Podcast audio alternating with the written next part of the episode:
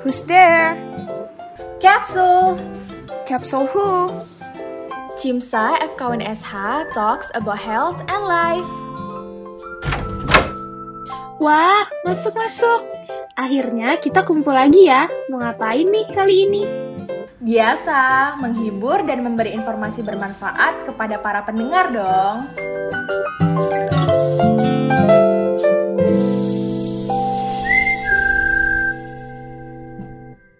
Selamat pagi Cimsa. Welcome back to Capsule. Cimsa FKUNSH talks about health and life. Jadi, kali ini kita lagi ada di serangkaian acara dari Strive, Stop Stigmatization, Go Prevent and Develop Therapy of HIV and AIDS During Pandemic dalam rangka merayakan World AIDS Day 2021. Bersama saya, Wilda Syafia, sebagai member Skora Cimsa FKUNSH. Hari ini kita lagi kedatangan tamu yang spesial banget nih teman-teman. Sudah bersama dengan kita Dr. Katarina Ari Wildani SPKK, spesialis kulit dan kelamin dari kelompok studi menular seksual Perdoski Indonesia. Selamat malam dokter. Halo. Selamat malam. Halo dok, apa kabar dok? Kabar baik. Oke. Sehat semua ya? Alhamdulillah sehat dokter. Boleh nih dokter untuk nyapa teman-teman pendengar sekaligus memperkenalkan diri nih dok. Halo semuanya teman-teman. Saya Dr. Katarina Ari, biasanya dipanggil Dr. Kat.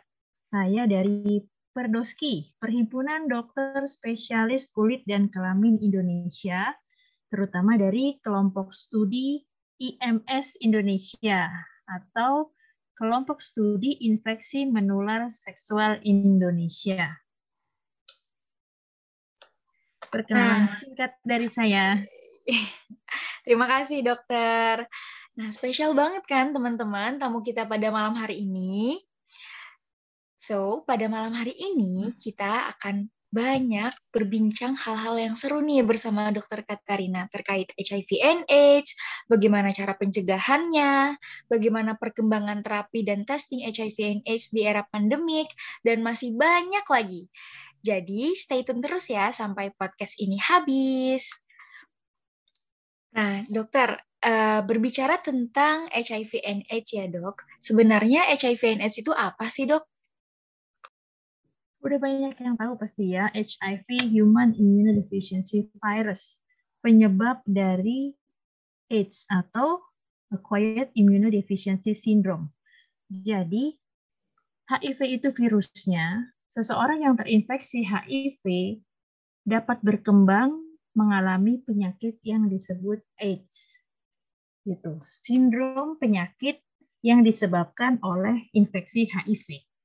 Itu bedanya. Jadi HIV virusnya, AIDS itu nama penyakitnya yang biasanya terdiri dari berbagai gejala atau sindrom. Ya, udah jelas ya.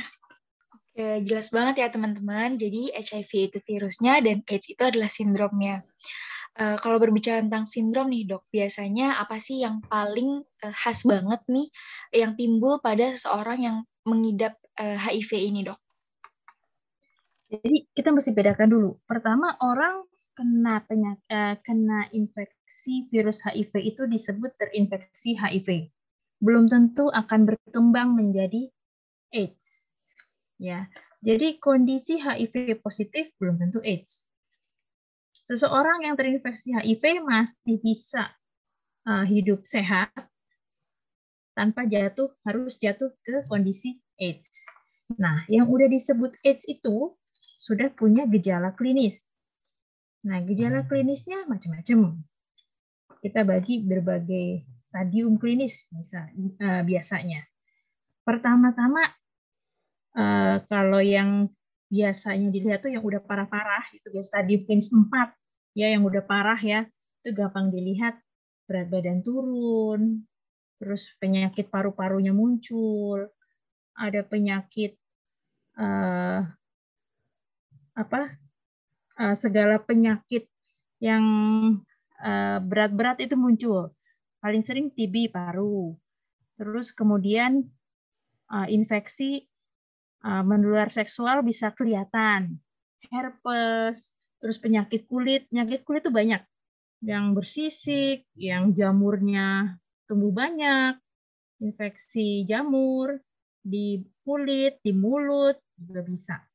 Diare, wasting syndrome, berat badannya turun banyak, ya. Itu yang uh, stadium klinis berat bahkan sampai bisa ada kelihatan ada kanker uh, kulit. Gitu. Yang uh, stadium klinis sebelumnya nggak seberat itu bisa hanya dengan uh, infeksi dermatitis berulang kemudian ada yang cuman luka-luka nggak uh, nggak bisa sembuh atau sampai hanya ada pembesaran kelenjar getah bening jadi kalau ditanya gejala AIDS itu semua bisa bisa muncul. Ya. Dari yang ringan sampai yang berat. Gitu.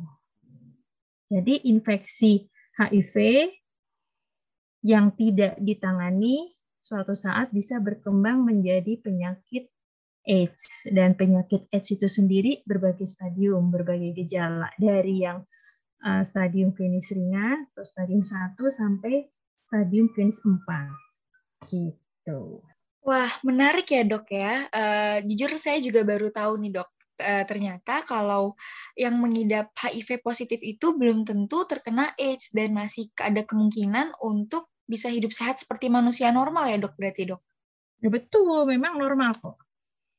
Uh, hanya terinfeksi HIV. Jadi di sini pentingnya kalau terinfeksi lebih dini.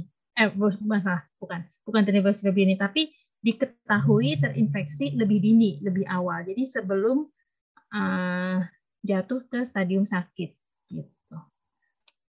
Oh, seperti itu ya dok. Uh, biasanya ya, hmm. ya dok, uh, faktor resiko apa aja sih dok yang bisa menyebabkan orang itu terkena HIV? Jadi kalau bicara HIV, tertularnya dari mana sih? Gitu ya. Beda dengan uh, kalau misalnya dibilang faktor risiko diabetes mellitus, kita gitu, agak beda. Jadi HIV ini dapatnya itu pertama penularan lewat darah. Ya, penularan lewat darah itu ada berbagai jalan masuk, itu masuknya banyak. Nah, yang pertama adalah infeksi langsung dari ibu ke anak dalam uh, apa kehamilan penularan perinatal dari ibu ke anak. Yang kedua melalui seks bebas atau hubungan uh, seksual nggak harus bebas sih. Dalam dalam ikatan perkawinan juga cukup banyak ya. Sekarang yang dari suami dapatnya dari tempat lain terus menularkan ke istrinya. Kemudian yang berikutnya adalah transfusi darah. Jadi darah yang tercemar HIV, kemudian uh, dari donor resipiennya mendapat darah yang terinfeksi HIV. Yang keempat adalah penggunaan jarum suntik bergantian atau pengguna narkoba suntik, ya narkoba suntik penasun. Itu adalah empat cara penularan HIV/AIDS dan IMS. Empat cara penularan. Kalau faktor risikonya berarti uh, lebih bagaimana ya jangan melakukan uh, faktor risikonya adalah kegiatan seksual yang Eh, berisiko. Satu. Yang kedua adalah penggunaan eh, narkoba suntik. Yang ketiga adalah transfusi darah yang tidak uh, terscreening dengan baik. Yang keempat, ibu hamil ke anaknya. Gitu. Hmm, seperti itu ya dok ya. Uh, oh iya dok, berarti kalau misalkan yang tadi ya dok yang sudah teridentifikasi secara dini, kalau misalkan dia itu uh, pengidap HIV, itu tuh uh, penularannya sama tingginya dengan yang sudah AIDS atau bagaimana dok? Jadi begini, dapatnya itu jalan masuknya sama.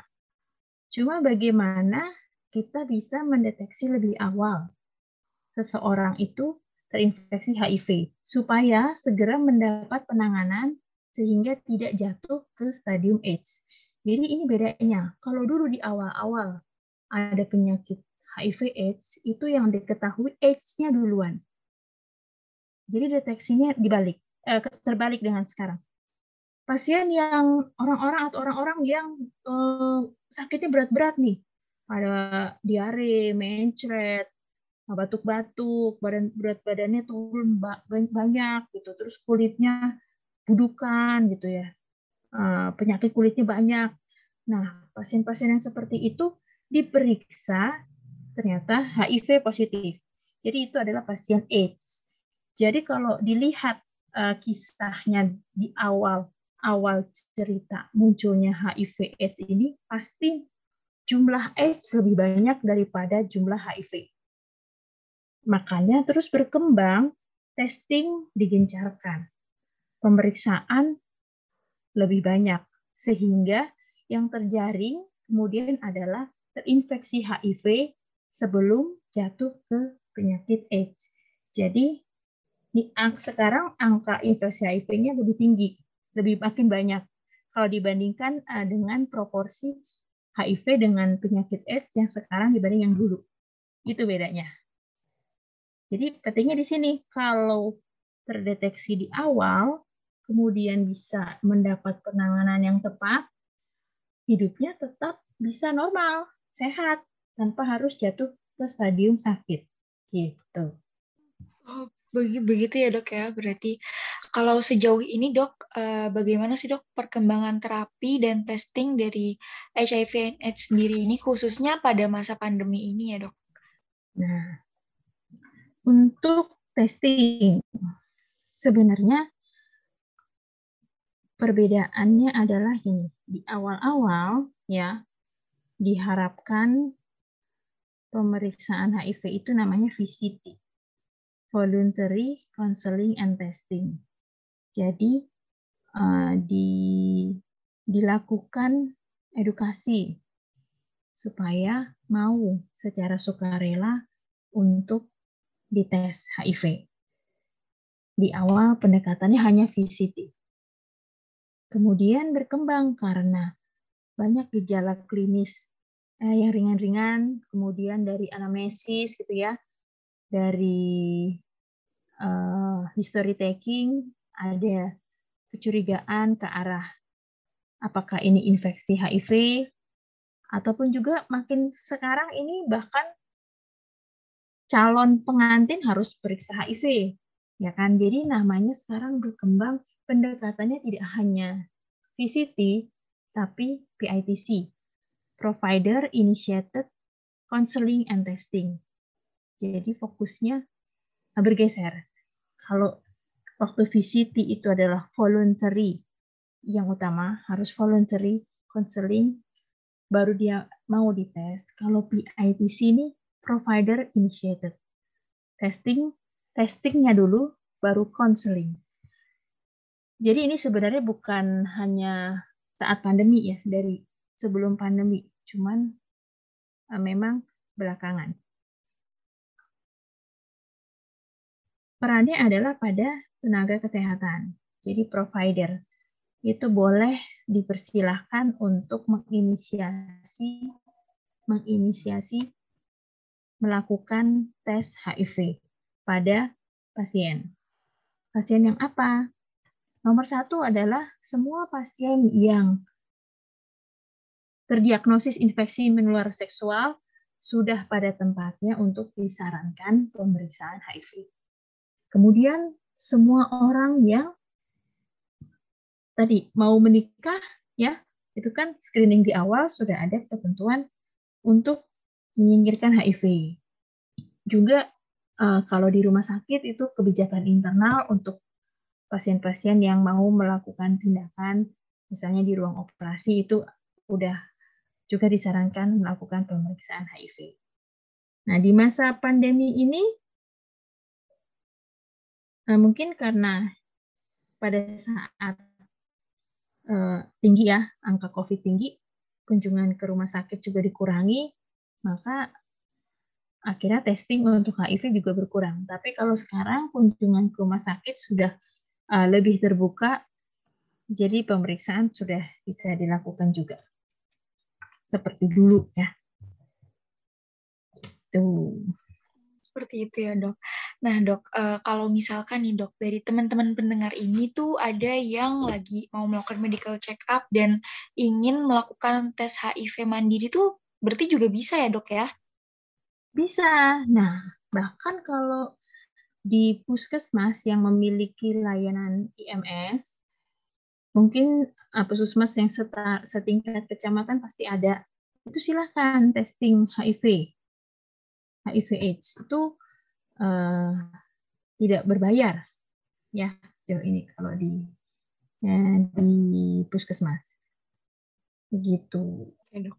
Uh, tadi uh, mungkin sedikit apa flashback ke belakang lagi mm-hmm. mengenai penularan yang tadi melalui darah terus uh, dari hubungan seksual yang beresiko dan lain sebagainya uh, berarti itu penularannya jika hanya berbicara atau hanya berada di dekat orang yang pengidapnya itu sebenarnya aman ya dok ya?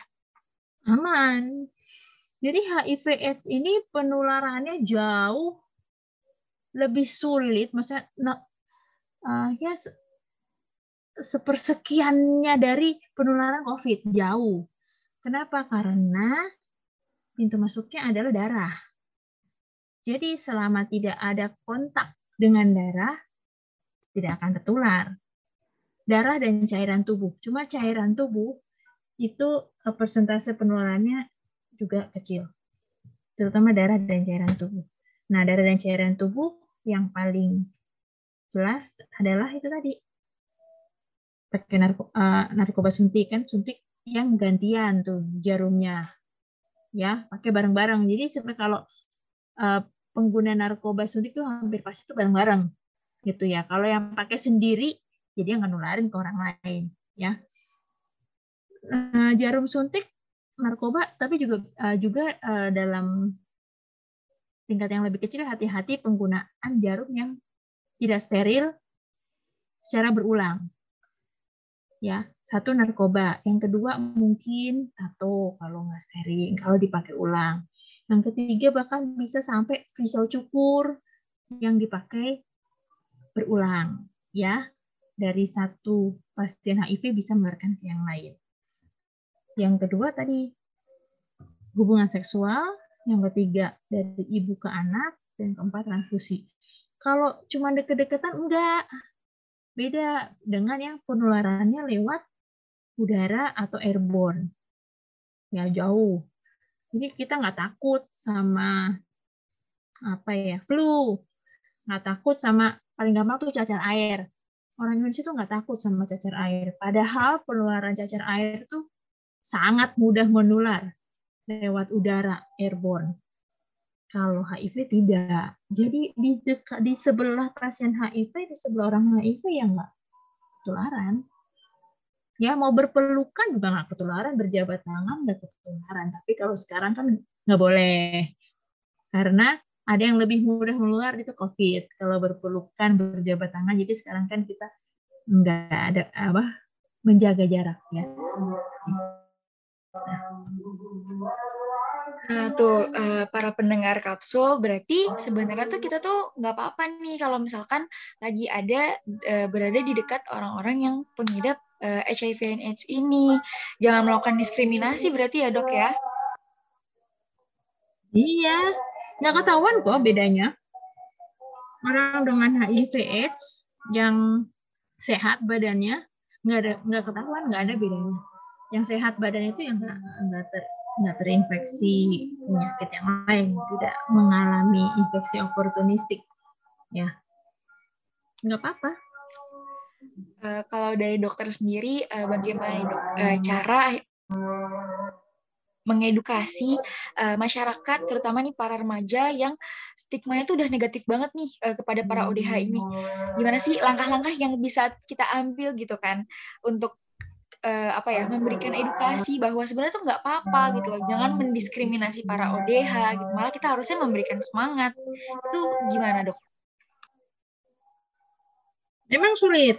Karena dari orang tuanya juga dari dulunya tahunya begitu. Jadi bagus kalau dipotong di bawah ya. Di anak muda nih. Anak muda kan lebih terbuka. Lebih menerima informasi terkini yang benar nggak gampang kena hoax mestinya ya gitu kan dibanding orang tua jadi pertama dari anak muda itu udah harus melek tentang kesehatan reproduksi. Udah ngerti tentang badannya, udah ngerti uh, bagaimana penularan penyakit-penyakit secara seksual. Kemudian berikutnya tahu HIV itu apa, tahu AIDS itu apa. Dan ingat, HIV itu tidak menular melalui berpelukan, melalui aktivitas sosial bersama, melalui sentuhan. Itu tidak menular karena virusnya hanya keluar lewat cairan tubuh terutama darah. Apalagi sekarang zaman COVID, pakai masker kan wajib. Droplet saja nggak keluar, nggak kena. TBC juga lebih sulit menular. Bagusnya di situ ya. Jadi nggak usah takut. Kalau anak muda mah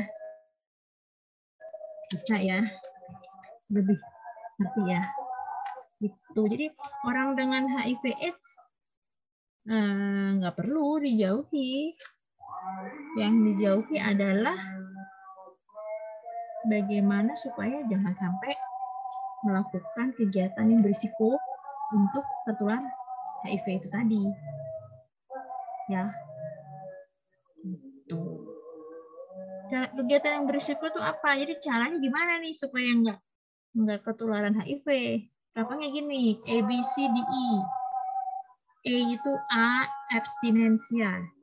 Jadi absence, tidak melakukan hubungan seksual. Sebisa mungkin kalau belum saatnya, belum waktunya, belum dalam uh, ikatan yang sah, abstinen. Gitu. Ya. Yang B, be faithful. Setia pada satu pasangan. Kalau sudah aktif secara seksual, setia pada satu pasangan yang pasangannya juga setia pada satu pasangan. Saya setia kok pacar pacar saya cuma satu nih ceritanya yang yang nggak berhasil abstinen. Tapi pacarnya pacarnya banyak, ya sama aja. Be faithful, setia pada satu pasangan. Yang C adalah pengguna kondom, use kondom. Pada yang sudah aktif secara seksual, untuk menghindari resiko IMS, infeksi menular seksual, dan terutama HIV, gunakan kondom. Yang D, D adalah don't drug, do no drugs. Jangan menggunakan obat, terutama adalah tadi jarum suntik. Yang I adalah education, yang kita lagi salah satunya kita bicara ini adalah education. Pendidikan kesehatan reproduksi. Gitu. Nah, tuh benar banget ya teman-teman. Jadi uh, daripada kita tuh harus menjauhi eh, orang-orang uh, dan mendiskriminasi orang-orang yang pengidap HIV and AIDS ini lebih baik kita uh, memprotek diri kita sendiri untuk terhindar dari HIV and AIDS tersebut dengan cara uh, apa ya menghindari kegiatan-kegiatan atau hal-hal yang bisa memicu penularan. Mungkin nih dok terakhir uh, pesan dari dokter untuk mungkin dari pendengar ada yang ternyata merupakan seorang ODH. Apa sih pesan dari dokter untuk para pengidap uh, eh, HIV and AIDS ini? Pesan saya terutama satu ya, semangat. Nah, kalau Anda ketahuan udah jelas terinfeksi HIV, itu bersyukur dulu. Bersyukur ketahuan. Jadi bisa diobatin sekarang obatnya banyak obat ARV, puji Tuhan, syukurnya tersedia banyak di Indonesia, cukup. Silahkan mengakses layanan kesehatan yang punya uh, layanan untuk pemberian ARV antiretroviral, ART antiretroviral terapi. Yang kedua, rajin semangat berobat. Karena dengan penggunaan ART itu tadi, virusnya bisa ditekan seminimal mungkin, bahkan sampai undetectable, tidak terdeteksi, dan Anda bisa beraktivitas secara normal seperti orang lain yang tidak terinfeksi HIV. Ya, jangan sampai uh, patah semangat. Yang berikutnya, kalau Anda terinfeksi HIV, jangan memaksa diri untuk belum-belum uh, membuka, karena memang stigma-nya masih besar. Jadi, silakan terutama adalah kepada uh, layanan kesehatan, silakan mencari dukungan, baru kemudian membuka diri kepada yang terdekat yang bisa mensupport. Gitu. Dan lindungi diri Anda supaya jangan menularkan ke orang lain. Itu pesan saya. Nggak usah takut, nggak apa-apa. Perkembangan ilmu kedokteran begitu luar biasa. Perkembangan obat antivirus itu sudah banyak. Pilihannya sudah cukup banyak dan tersedia. Silakan datang dan berobat. Bisa sembuh dalam arti tidak terkena penyakit lain. Infeksinya mungkin tetap ada karena agak sulit, tapi virus itu bisa ditekan seminimal mungkin bahkan sampai tidak terdeteksi. Baru-baru ini bahkan ada laporan uh, satu kasus ya pasien yang bisa mengeliminasi virusnya bahkan. Bukan hanya undetectable tapi sampai bersih dari virus. Itu perkembangan luar biasa. Jadi semangat. Pasti di awal berat pasti jatuh silahkan minta dukungan minta bantuan supaya bisa kembali kembali beraktivitas kembali sama seperti yang lain ya yang tidak terinfeksi HIV. Begitu. Oke deh, terima kasih banyak nih dokter. Iya. Gimana nih teman-teman? Keren banget kan ilmu-ilmu yang kita dapatkan dari sharing singkat pada malam hari ini.